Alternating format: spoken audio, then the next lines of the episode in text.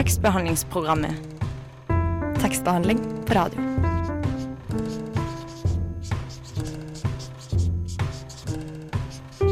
Tekstbehandlingsprogrammet.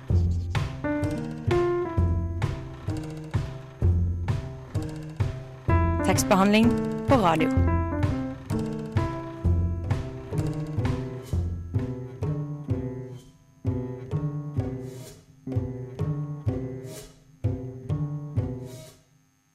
Hei og velkommen til eh, tekstbehandlingsprogrammet på Radio Nova. I dagens sending får vi besøk av forfatter Therese Tungen, som debuterer med novellesamlinga 'En gang var det ei ulvar'. Og vi skal høre et innslag om å fikle med andres hjerne. Eh, og i studio i dag er meg selv, Idun Svarverud, og deg, Kristine. Hallo. Hallo.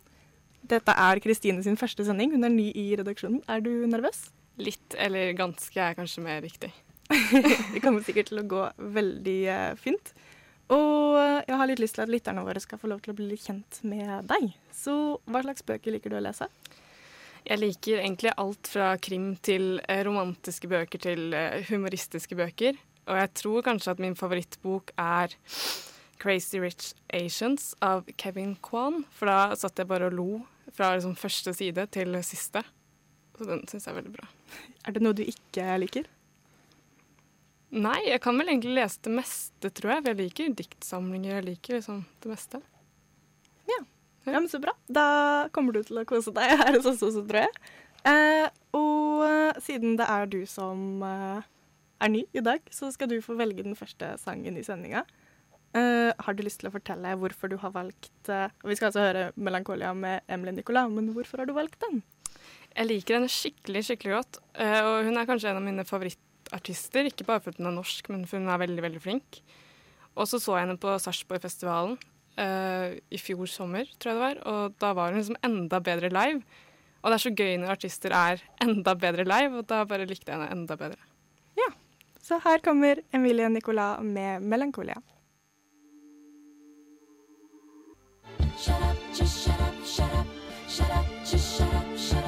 Hysj! Nå hører vi på tekstbehandlingsprogrammet. Det var Emilie Nicolas med 'Melankolia' her på Radio Nova.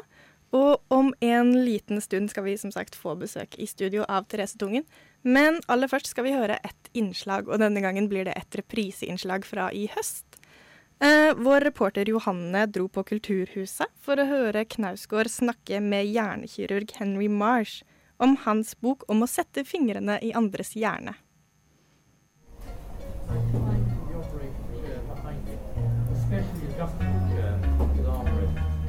This moment still fills me with awe.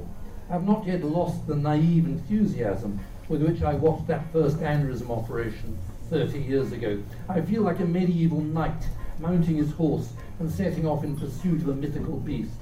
And the view down the microscope into the patient's brain is indeed a little magical, clearer, sharper, and more brilliant than the world outside, the world of dull hospital corridors and committees and management paperwork and protocols. There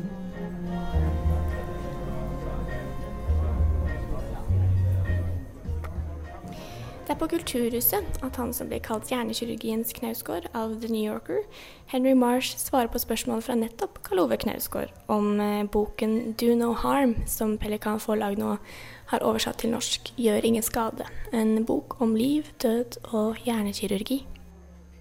It's one thing to lead an interesting life, it's another thing to write about it. Because another point is a good writer can write about a very uneventful life, like perhaps yours. Den britiske hjernekirurgen leverer en veldig ærlig skildring av um, livet sitt, um, yrket sitt og tankene rundt det. Um, og en slags innsikt som ellers på en måte ikke hadde vært tilgjengelig hvis det ikke hadde vært skrevet med så elegant språk. I was attended to a lecture you held that was in Albania, and you were saying it's only brain surgery, it's not rocket science. No, there is this myth, there's a great misunderstanding in the public about medicine and in particular about brain surgery, particularly in America, where brain surgeons are up at the regarded as the most top of the surgical profession and godlike characters. I mean, brain surgery is very, very difficult. Don't get me wrong, it's very difficult. But it's difficult for the reasons I try to explain in the book, which is it's very dangerous. And because it's very dangerous, it means that decision making, whether to operate or not, is incredibly difficult.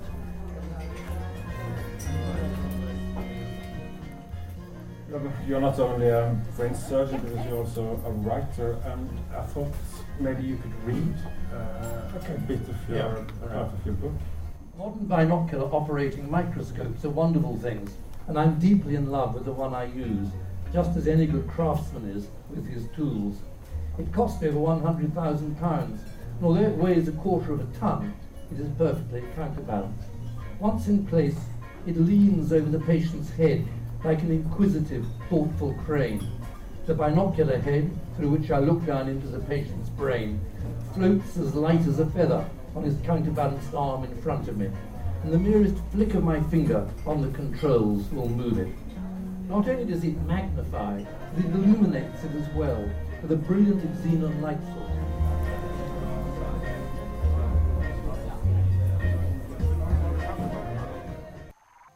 Det var Blood Forest Family med Body her i tekstbehandlingsprogrammet på Radio Nova. Og nå har vi endelig fått besøk i studio av eh, Therese Tungen. Velkommen. Takk, takk. Og du debuterer nå faktisk i dag med novellesamlingen din 'En gang var det ulvar'. Um, har du lyst til å begynne med å fortelle litt om den? Eh, Jeg kan prøve. Det er seks noveller som er ganske forskjellige. Det, jeg tror, altså, tematisk er de forskjellige, men jeg tror de har et slags fellesskap i stemningen. Um, det er ikke lyst og vakkert, det som skjer. Det er en slags uh, mørk stemning i de fleste av dem. Um, jeg tenker at Tittelen er med på å samle på et vis. 'En gang var det ulver'. Um, og jeg skal ikke si for mye om det, det er lett å analysere sine egne ting litt for mye. Men jeg syns den passer godt til boka, fordi tekstene foregår i vår tid. Eh, noen av dem kan foregå i en nær framtid. Um, og de oss er siviliserte. oss um, oppfører oss i hvert fall tilsynelatende. Uh, et med kniv og gaffel. Så kommer et godt, en godt vei fra de dyra som oss starta fra, da. Um, Uh, og det, det med hundene, det er jo det at oss, oss holder hunder, oss har hunder som kjæledyr. Uh, og så avler dem fram til å leve veldig tett på oss. Eh, samtidig så eh, har jo hundene sjøl vært ulve en gang. eh, og i de rette situasjonene så kan de på et vis ha tenkt bli på nytt. Uh, F.eks. hvis de er sultne nok. Mm. Ja, for en av en måte, beskrivelsene vi har fått se da, av boka før eh, lansering, er jo at den eh, utforsker litt hva som skjer med mennesker når de blir presset til sitt ytterste. Ja, det står det vel skrevet. det, stem, det stemmer jo i flere av novellene. Um, det, er, det, er, det er tre av dem som foregår på bygda, tre som foregår i byen. Og i samtlige så blir jo hovedpersonene pressa ganske langt. Um, Ei av novellene handler om tre unge som er alene i en leilighet, og mammaen deres er borte. Pappaen deres er borte fra før. Det er iskaldt, strømmen går. Det er jul. Det er liksom ja, det er så ille som det kan bli. Og så er spørsmålet hva, hva gjør de Hva gjør de mot annen? Hvordan oppfører de seg? Hva skjer med dem når omstendighetene er som de er? Um, I andre noveller så er det helt andre scenario. Uh, F.eks. i slutten på ei karriere. Det er, program, en programleder som blir drapstrua og er på vei hjem igjen. Hun kjører bil i det, meste av tekster. Og hjemme så er det en, rett og slett en leiemorder som snart skal pensjonere seg, som sitter og venter på Så der har du liksom, du har et ytre press, og så har hun òg ting inni seg som er Det går ikke så bra med henne i utgangspunktet heller. Så i kort og tekstene så er det Ja, det er ganske store ting som står på spill da, for, eh, for dem det gjelder. Mm. Hvorfor valgte du noveller? Det er et vanskelig spørsmål. det, jeg har jo skrevet i mange år, og jeg har hele tida tenkt at jeg skal ikke skrive en roman. Nå, iallfall. Um, og det er ikke så mye fordi at jeg ikke har stamina til det, tror jeg, men, men, men eh, litt fordi at jeg har ikke lyst til å følge personene over så lang tid. Jeg har lyst til at det skal være kort tid, egentlig, at handlinga foregår. Og jeg har ikke lyst til å prøve å opprettholde ei stemning gjennom en hel roman. roman. Eh, nå ble jo novellene lengre og lengre, så jeg tror de har beveget seg bort fra den klassiske norske novella og så over til noe som er mer, en mer flytende form. da. Det er mye fortid, og det er mye hendelse, og eh, flere av foregår over mer enn ett døgn. Så det er, liksom, det er ikke så mange av de kriteriene som står ved lag i tekstene mine lenger. Så nå vet jeg ikke helt hva det er. Det er lange, lange, lange noveller. Mm. uh, er det en av de novellene som du har som favoritt selv, eller har du en som du liker ekstra godt? Det er noen av dem jeg syns er lettere å prate om enn andre. Og det er noen av dem jeg holder på med over lengre tid. Og ja, kanskje noen som føles litt viktigere, uten at det nødvendigvis er de beste. Mm. Flaumen er jo ei slik tekst fordi at der skriver jeg fra en plass som ligner på himbygda mi. Um, og jeg skriver om en helt ekstrem situasjon. At en flom som oversvømmer ei hel bygd. Og jeg hadde lyst til å skrive Det er jo litt like what if, at i eh, Ikke what if, men at i litteraturen kan alt skje. Eh, og det er jo litt inspirert av hva Knausgård gjorde i den 'En tid for alt'. Det her er en helt annen skala. Han skriver om verden, jeg skriver om ei bygd. Men det er noe med den muligheten en har, da. Uh, og både å ta for seg liksom hva skjer med folka i den teksten, men òg hva skjer med bygda, og hva skjer med naturen. Det syns jeg var kult å skrive om. Hvordan føles det når ei bergside bare raser ned? Og hvordan høres det, og hvordan lukter det? Den type ting, da. Hvordan anbefaler du at folk leser novellene? Ønsker du at folk skal på en måte lese alt i ett drag, eller én og én, og la det synke inn? Jeg tror at hvis en leser alt i løpet av en kveld, så blir en ganske utlada, tror jeg. Det kan kanskje være helseforfarlig, helseskadelig. Eh, Så jeg vil kanskje anbefale å dele det opp. Og kanskje se en like, hyggelig TV-serie nå innimellom. da. Eh, At det er tryggere. Ja. Og det er fordi at jeg tenker at ut fra reaksjonene nå eh, Jeg tenkte ikke at det var så mørkt når jeg skrev novellene, men når folk prater om dem, så skjønner jeg at det blir motig på den måten. Mm. Mm. Eh, vi skal ta en liten pause nå, vi også. Uh, og vi skal høre litt musikk. Og denne sangen har du uh, valgt uh, selv. Den sangen du valgte, det er 'Life During Wartime' av Talking Heads. Har du lyst til å fortelle litt om hvorfor du valgte akkurat den? Um, jeg er veldig glad i Talking Heads, um, og jeg liker den sangen her, eh, 'Life During Wartime'. Den har en lang tittel, egentlig. 'This ain't no party, this ain't no disco, this ain't no fooling around'. Um, det er en slags eh, dystopisk um, sang som handler om at ting tar slutt i, i uh, sangen òg, da. Det er ikke noe tid for diskotek lenger, det er ingen vits å ha notisbok. Um, det er noen revolusjonære som har samla seg på en kirkegard og overleve på peanøttsmør og litt grønnsaker, som varer et par dager. Det er litt like, midt mellom hverdag og eh, litt like borgerkrigaktig stemning, som jeg liker godt. da.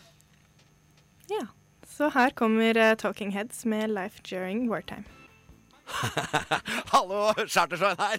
Jeg passer jaggu meg inn i tekstbehandlingsprogrammet også. Jeg syns at døra bør stå på gløtt. Tekstbehandlingsprogrammet holder døra oppe for alle. Lar du døra di være litt åpen.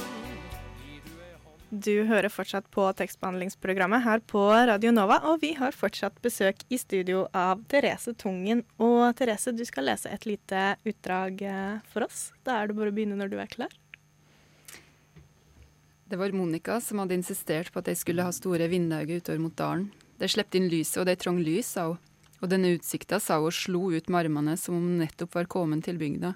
Som om hun bare var innom på besøk. Glasa slipper inn kulde også, og vinteren er lang, sa han. Det får så være, lys trenger vi, sa hun, og hun sto der og så på han og var i godt humør uansett hva hun kravde av han. Hun hadde ei letthet over seg som hun hadde spredd omkring seg, og det var mye verdt, det. De sa at folk oppe i bakkene var tunge og treige, at de ikke sa så mye, men hun var ikke slik i det hele tatt. I byrringa hadde han tatt vare på klærne hennes. Snust på dei, ingenting annet fanst enn nasen hans mot genseren, genseren som hadde leget inn mot nakken og ryggen hennes, som håret hennes hadde hvilt mot, og vissheten om at han aldri kunne få mer enn det, et mjukt stoff som han helt mot ansiktet og grov seg inn i. En dag skjønte han at slik kunne han ikke ha det. Det var som ei hinne eller et slør mellom han og omverda. Han så ikke klart. Klarte ikke oversikt over Inger Marie, gikk i egne tanker, og plutselig hadde hun vært borte fra han lenge uten at han ante hvor hun var og hva hun gjorde. Så han tok grep, stua tinga til Monica i et kott innenfor rommet der hun pleide å sitte og sy, pappasker med klede og sko, kjo- kjoler og kåper. Herregud, så mye klede hun hadde. Det gikk bedre, syntes han. Månedene gikk, han begynte å få skikk på ting, et år gikk. Så gikk det brått ikke så bra lenger. Om hun forsvant fra nettene hans, dukka hun opp igjen på dagtid, ofte litt på skrå bak han, en skikkelse han bare så i øyekroken. Da han snudde seg mot der hun sto, forsvant hun fra han. Du holder på å bli galen, hadde bror hans sagt, du burde kutte ned på turinga. Han angra på at han hadde sagt noe, det hadde ingenting med alkoholen å gjøre, hun kom og forsvant, kom og forsvant, og han styrte ikke over det.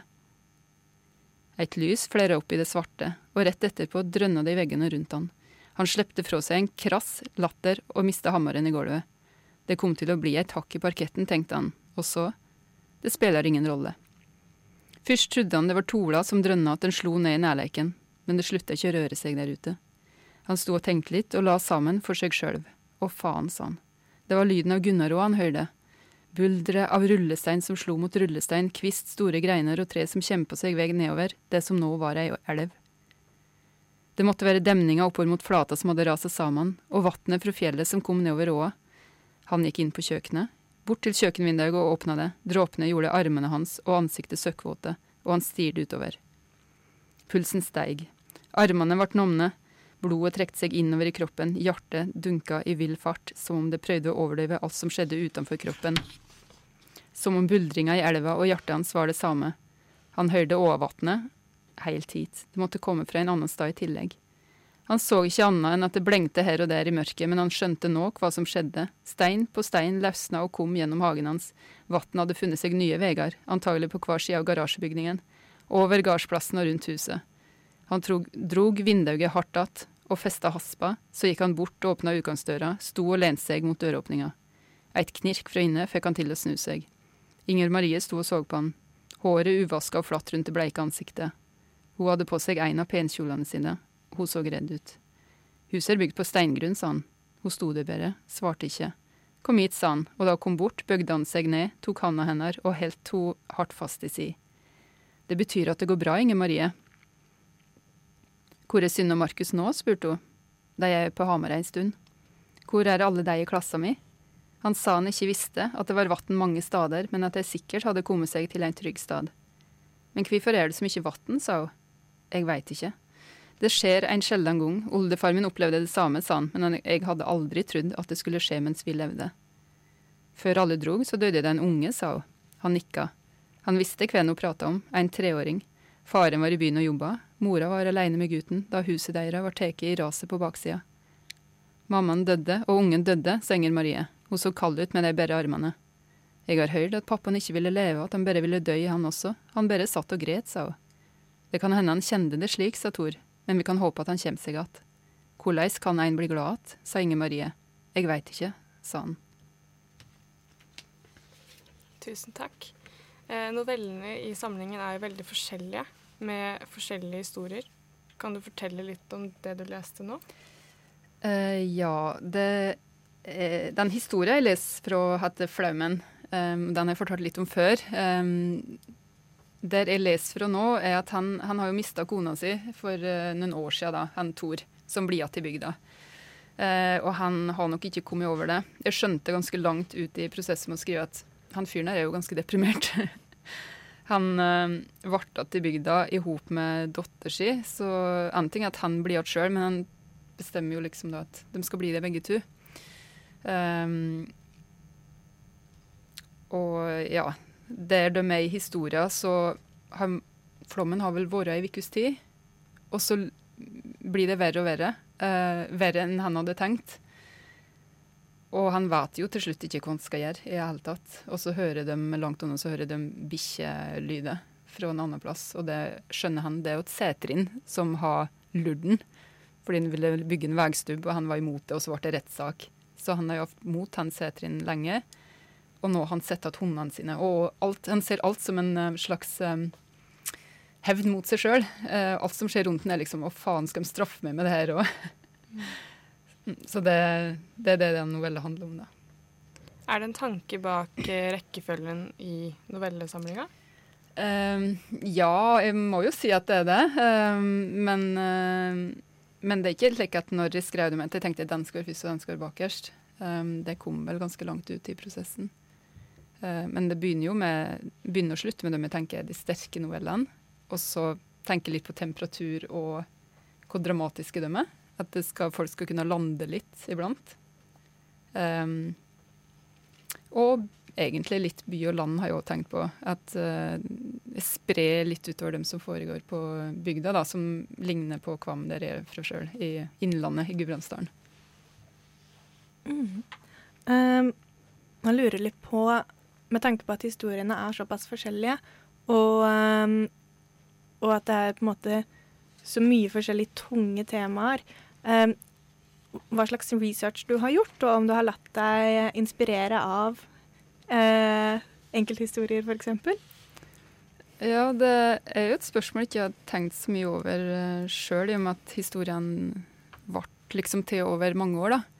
Når jeg fikk det spørsmålet og tenkte meg om, så skjønner jeg at jeg har jo gjort litt research. Det kommer ikke for ingenting. Um, I historien den flommen så prater vi en uh, arkeolog som har jobba med Gudbrandsdalen, og spurte om hva er troverdigheten i der, kan det her skje? Uh, på den tida så ligna min flom mer på New Orleans, uh, og far og datter uh, reiste rundt i en båt. Så det var ganske rolig forhold, um, og damp og fuktighet og varme. Så ut fra den praten med han, han heter Ingar Mørkestøl Gundersen, som jobber på Kunsthistorisk museum, så måtte jeg forandre nesten alt i teksta. Ta bort båten, som jeg likte så godt. La dem liksom vandre og søkke ned i støvlene i stedet for. I, um, i andre av his historien så har jeg um, pratet med folk som har litt greie på temaet. Um, men det var jo venner, mye venner og bekjente i ei novelle som handler om uh, gjetkillinger som skal kastreres, så fikk jeg svigerfar min, som er dyrlege, til å lese gjennom det til slutt. Og han kunne bekrefte at dyrlegen i min historie er en helt elendig dyrlege. Men det virka troverdig, hvis du skjønner. Mm. Det er litt uh, gøy å høre, for det lurte jeg veldig på mens jeg leste. Mm. Om han faktisk var det. Han var ikke en uh, stolthet for uh, yrket sitt. Mm. Uh, vi skal høre litt uh, musikk igjen, vi, og denne gangen er det en fra våre egne lister. Uh, dette er Luke Fas med 'Should Have Seen It'. Tekstbehandlingsprogrammet når du har lyst til å lese med øra. Vi hørte Luke Foss med 'Should Have Seen It', og du hører fortsatt på Radio Nova og tekstbehandlingsprogrammet.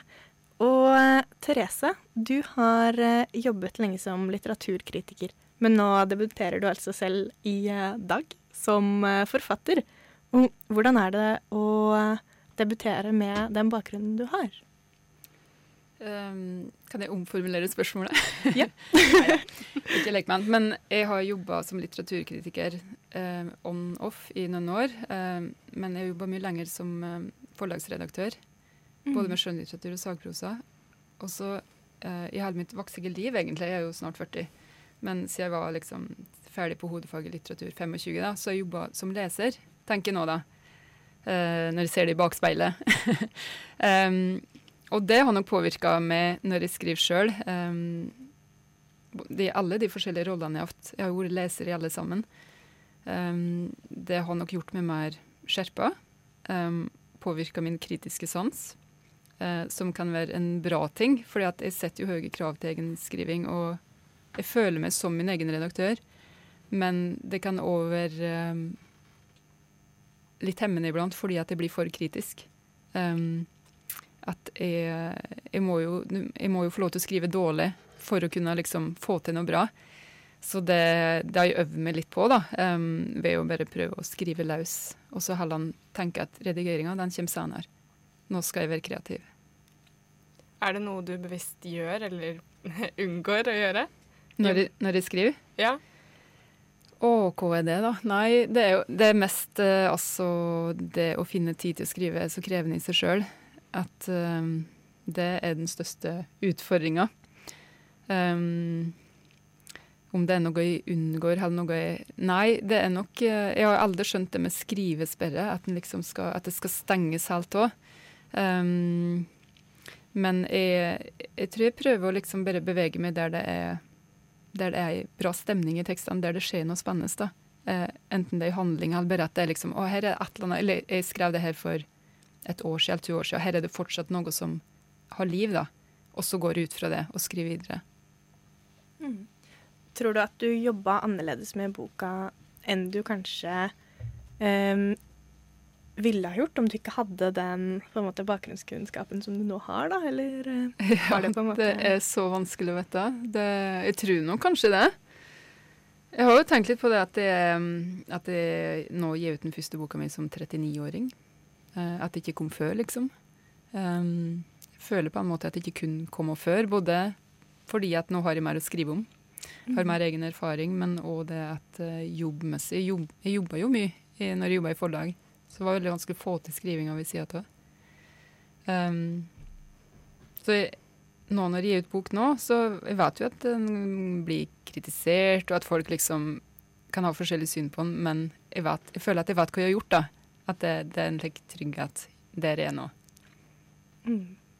Um, blir det skummelt å være den som blir kritisert og ment ting om, for en gangs skyld, istedenfor å være den som leser andres bøker, eller? Uh? Ja, det er jo noe som er ekstremt sårbart over det, som jeg ikke helt var forberedt på. Men det jeg merka helt fra jeg sendte inn manuset i posten, i papirform, til um, forlag, at da var jeg jo nesten på gråten fordi jeg var nervøs, fordi at det betydde så mye, da. Det var pluss at for meg så føltes det som at det her må jeg få til nå.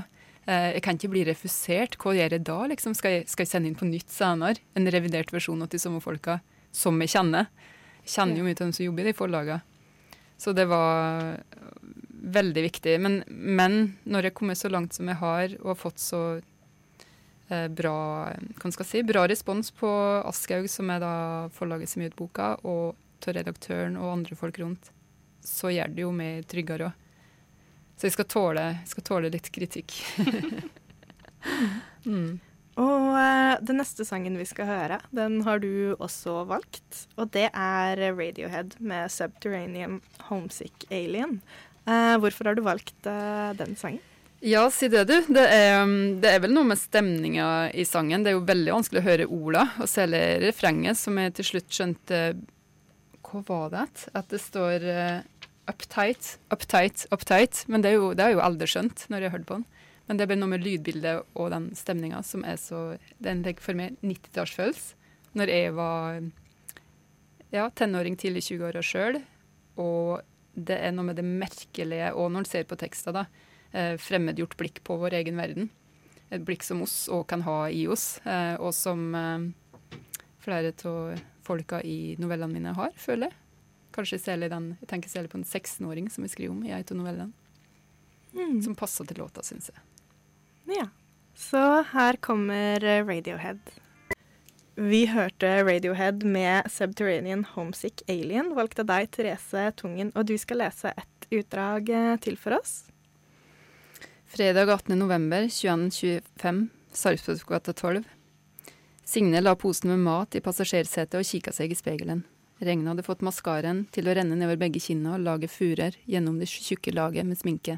Hun så ikke ut, eller hun så ut slik hun kjente seg, det var det enda noe. Hun rota i veska etter papir til å tørke seg og kom bort til telefonen som lå og lyste. To meldinger, ei fra Endre og ei fra et sperra nummer, og det sokk i henne. Hun skjønte godt hva det betydde, nå begynte alt på nytt. Hun kom til å måtte skifte nummer igjen. Hun satt lenge og bare så på telefonen tenkte at den der, den åpner jeg ikke. Så gjorde hun det likevel og så rett på et bilde av seg sjøl, ett der hun sto sammen med andre på en bar. Over ansiktet hennes var det montert en stor, rosa vagina. Hun ble kald. Hun kjente igjen bildet, det var et par år gammelt. Tatt fra Facebook-sida hennes. Endre hadde lagt armen rundt skuldra hennes, han sto med ansiktet vendt litt bort fra henne og snakka med noen. Luggen hennes lå over klitorisen, vaginaen gikk et stykke ned på halsen, som om hun hadde et svært langt, kjøttfylt, kalkunaktig ansikt, et vaginahoved. Hendene hennes skalv da hun trykte ned låsen på begge dørene på bilen. Det går bra, sa hun til seg sjøl, og drog vekk det verste av sminka. I spegelen møtte hun ansiktet sitt rødt og opphovna. Hun sokna i setet, det var vanskelig å tenke klart, vanskelig å puste. Hun talte sakte inni seg, lurte på om hun skulle gå inn igjen på restauranten og ringe politiet derifra. Hun venta, talte til hun kom til 30, pusta djupt. Dette var ingenting, eit bilde, det kunne hun tåle. Bare å tenke på noe annet, det. I bursdagen til Kajsa, for eksempel, jeg hadde planlagt å gå ut og ete lunsj sammen med Endre sine foreldre. Om kvelden skulle Kajsa få besøk av noen venner. Hun lurte på om Endre hadde tenkt på kake. De ville ikke få mye tid til å ordne det i morgen. Hun lurte på om de hadde liggende lys til kaka. Hun åpna meldinga fra Endre. Sushi? Har lasagne i ovnen slik vi avtalte, vi venter bare på deg, sto det. Faen. Lasagne, Kajsa sin favorittrett, men han hadde da ikke sagt noe om det. Det huska hun slett ikke, sjøl om hun prøvde. I hjernen hennes var det full gjennomtrekk. Dørene sto og slamra, det var som et stort, tomt rom der inne, der elektriske straumer iblant kom borti hverandre og laga en rar lyd som liksom fylte henne et øyeblikk, før de forsvant og kom igjen en annen sted. Hadde hun en sykdom, holdt hun på å bli galen? Dette var ikke første gangen Endre konfronterte henne med noe de hadde planlagt og hun hadde glemt. Etter noen minutter roa hjertet seg. Veien var tom da hun fortsatte nedover den og kjørte forbi Bjølsen skole. Disse veiene kjente hun godt, for ikke lenge siden hadde hun sykla på jobb i stedet for å kjøre. Overtrekksbukse over de lyse klærne. Lykt og sykkelhjelm, sekk på ryggen. Den gangen var fridommen det viktigste. Å slippe å vente på bussen, eller leite etter en parkeringsplass. Hun likte å høre brus fra Akerselva på ettermiddagene, eller trakke seg gjennom snøen i vintermørket tidlig om morgenen.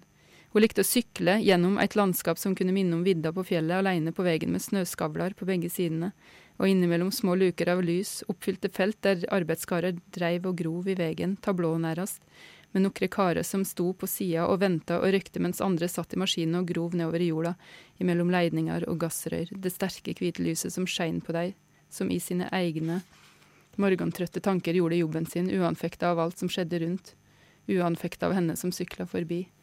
Iblant når hun passerte slike arbeidskarer, tenkte hun på far sin, på vegvesenbuksen hans. De gigantiske matpakkene i metall, metallbokser fra andre verdenskrigen, minst, kammen gjennom håret hastig speilet i gangen om morgenen, før han, som andre som ser seg i speilet, straks glemte sitt eget ansikt og drog av gårde på arbeid. Det var slutt på å jogge og sykle til jobben nå. Signe kjørte bil overalt for å unngå nærkontakt med folk. Det begynte med bæsjen i fjor vår, en stor og stinkende drit som lå på trappa utenfor huset deres, dandert på et stykke papir. Hun trakka nesten på han da hun var på vei ut etter avisene. Først så hun undrende på han, nysgjerrig og uten bestemte kjensler. Hun kjente lukta sige opp til seg om lag samtidig som hun skjønte hva det var, og hva det betydde. Det var menneskedrit, en svær ladning så vidt størtna. Noen hadde sett seg på trappa deres og gjort fra seg i mørket mens de sov i sengene sine. Noen hata henne, Signe Mollestad, så mye at de spara driten til de kom hit på trappa hennes. Hun skreik til, og like etter var Endre og Kajsa der, bustete på håret, trøtt i auga. Driten var så stor at det var uro å tenke annet enn at han måtte ha kommet fra en voksen kar. De sto der og så på han sammen, før Kajsa snudde seg og gikk inn. De fant henne att i et hjørne i stova der hun satt med tårene rennende nedover kinna. Hvorfor gjør noen slik mot oss, sa hun. Den fine ungen hennes, beskytta fra verdens mørke krefter i den grad det let seg gjøre. Hun gret med munnen vidåpen, auga fulle av vann som drøp over ansiktet og nattkjolen hennes. Nei, kom igjen, Kajsa, sa Endre og rufsa i håret hennes. Det er ikke noe å være redd for, det er bare en eller annen tulling. Tusen takk. Eh, kan du fortelle litt om det du leste nå? Det er en novelle som heter 'Slutten på ei karriere', som handler om eh, programleder Signe Mollestad, um, som nettopp har spilt inn et program der hun intervjuer um, Er det utenriksministeren? Um, og det blir ganske ubehagelig. Hun konfronterer henne med, med at noen eritreiske flyktninger ble sendt til Eritrea og så ble myrda. Um, når hun kjører hjem til bilen, um, det regner og det er ganske mørkt og fælt ute, så skjønner hun at det her betyr at liksom, nå starter alt på nytt. Uh, hetsen mot henne kommer til å forsterke seg. Det har vært rolig noen måneder, men nå, liksom, nå er det i gang igjen. Uh, så hun har det ganske fælt. Um, I tillegg så utafor huset hennes sitter da en leiemorder som er lagd inn via internettet til å ta livet hennes. Uh, han har egentlig ikke lyst til å gjøre den jobben her. Han har lyst til å pensjonere seg. Um, men han trenger penger til pensjonisttilværelsen. Det er en novelle som er Den er jo dyster, som alle de andre, men samtidig så hadde jeg hadde artig når jeg skrev den. Det er nesten så jeg skammer over å si det, men, men, det er noe med liksom Det litt komiske med, med den liksom bæsjen på troppet er en ting, men han leiemorderen har òg et problem med tarmene sine, så han må så på do mens han sitter og venter på Uh, og så er det liksom, Samtidig som det er store Det er et stort drama og et stort, uh, det er jo et stort samfunnsproblem som hun opplever uh, personlig. Det at det er liksom På internett kan du si og gjøre alt. Så hun får alt det der hatet mot seg. Hun er programleder, hun er profilert, og hun er kvinne. Og hun er liberal. Hun er liksom Ser for meg en eller annen plass på venstresida, da. Så det jeg leser fra, er ganske langt ut i den teksten. Eh, har du noen prosjekter i tankene videre? Jeg skulle gjerne sagt ja. jeg har en slags skrothaug med mye tekst inne på dataen min som jeg må se nærmere i om det er et eller annet jeg kan ta tak i der. Men aller mest har jeg lyst til å skrive noe helt nytt som jeg ikke helt klarer å få liksom grepet på nå. da. Jeg har heller ikke hatt tid til det. Men det er jo ikke noe hast. Men så er det jo det likevel. mm. uh, vi gleder oss i hvert fall til å lese det som kommer videre. Uh, og uh, sist, men ikke minst, har du noen planer på resten av lanseringsdagen din? Hva planlegger du å bruke den på? nei, jeg må jo på jobb, og så må jeg hente ungene i barnehagen. Og legge ungene. Og jeg kommer sikkert til å gjøre som vanlig og ta en øl framfor TV-en. Ja, ikke sant. Mm. Det høres bra ut. Mm. Det høres ut som en eh, deilig avslutning på en dag som kanskje blir litt ekstra spennende, selv om mm. det blir litt vanlig. Det gjør jo det. Det gjør det. uh, Therese Tungen, tusen takk for uh, besøket, og lykke til med bokslipp. Og vi avslutter med den siste sangen som du har valgt til dagens sending. Uh, det er David Bowie og Port of Amsterdam. Har du lyst til å fortelle litt om hvorfor du valgte den? Glad i David Bowie og i den sangen her. Um, den er fin i seg sjøl, og den, er, den er, blir trist. Jeg merker for tårer i øynene når jeg hører på den. fordi det er liksom noe med de folka som turer og fester samtidig som de jobber hardt på havet. Uh, og så er liksom det er noe destruktivt over det, samtidig som det er store krefter i den drikkinga. Det står en plass like, they drink and they drink and they drink and they drink. Det tar liksom ikke slutt. Så er, den, er, den, er, ganske mektig i den der skildringa av det rett og slett havnefolkas turing. Mm. Her kommer David Bowie med 'Part of Amsterdam'. Hallo, mitt navn er Knut Nærum, og du hører på tekstbehandlingsprogrammet. Jeg går i hvert fall ut fra at du gjør det. Ja, og vi har uh, kommet til uh, veis ende av uh, dagens sending. og da er jeg spent, Kristine, på hvordan det har vært å være i studio for første gang. Jeg syns det har vært veldig spennende. jeg likte det. Så det var litt skummelt. Ja, var det så skummelt som du trodde, eller mer eller mindre? Eh, kanskje litt mindre, siden man ikke ser eh, Det rødlyset ser jeg ikke så godt, så da blir jeg ikke så stressa når jeg ser på det. Og så har det jo vært veldig hyggelige folk inne i studio. Ja. Ja, ja vi har kosa oss, vi. Ja. Kommer du tilbake flere ganger? Ja, definitivt. Så bra. Og det blir eh, nok hyggelig. Og det var også veldig hyggelig at du som lytter hadde lyst til å høre på i dag. Og ja. ja hør gjerne på oss neste uke til samme tid her på FM 99,3. Eller hør podkasten vår på nett. Ja. Eller så er vi på DAB 24 timer i uh, døgnet. Og så er tekstbehandlingsprogrammet dessuten på Instagram. Visste du det, Kristine?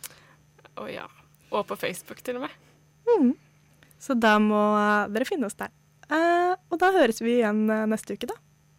Ha det. Ha det.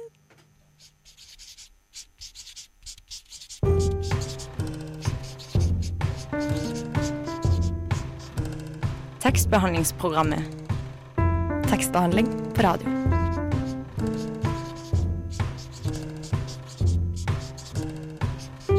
Tekstbehandlingsprogrammet.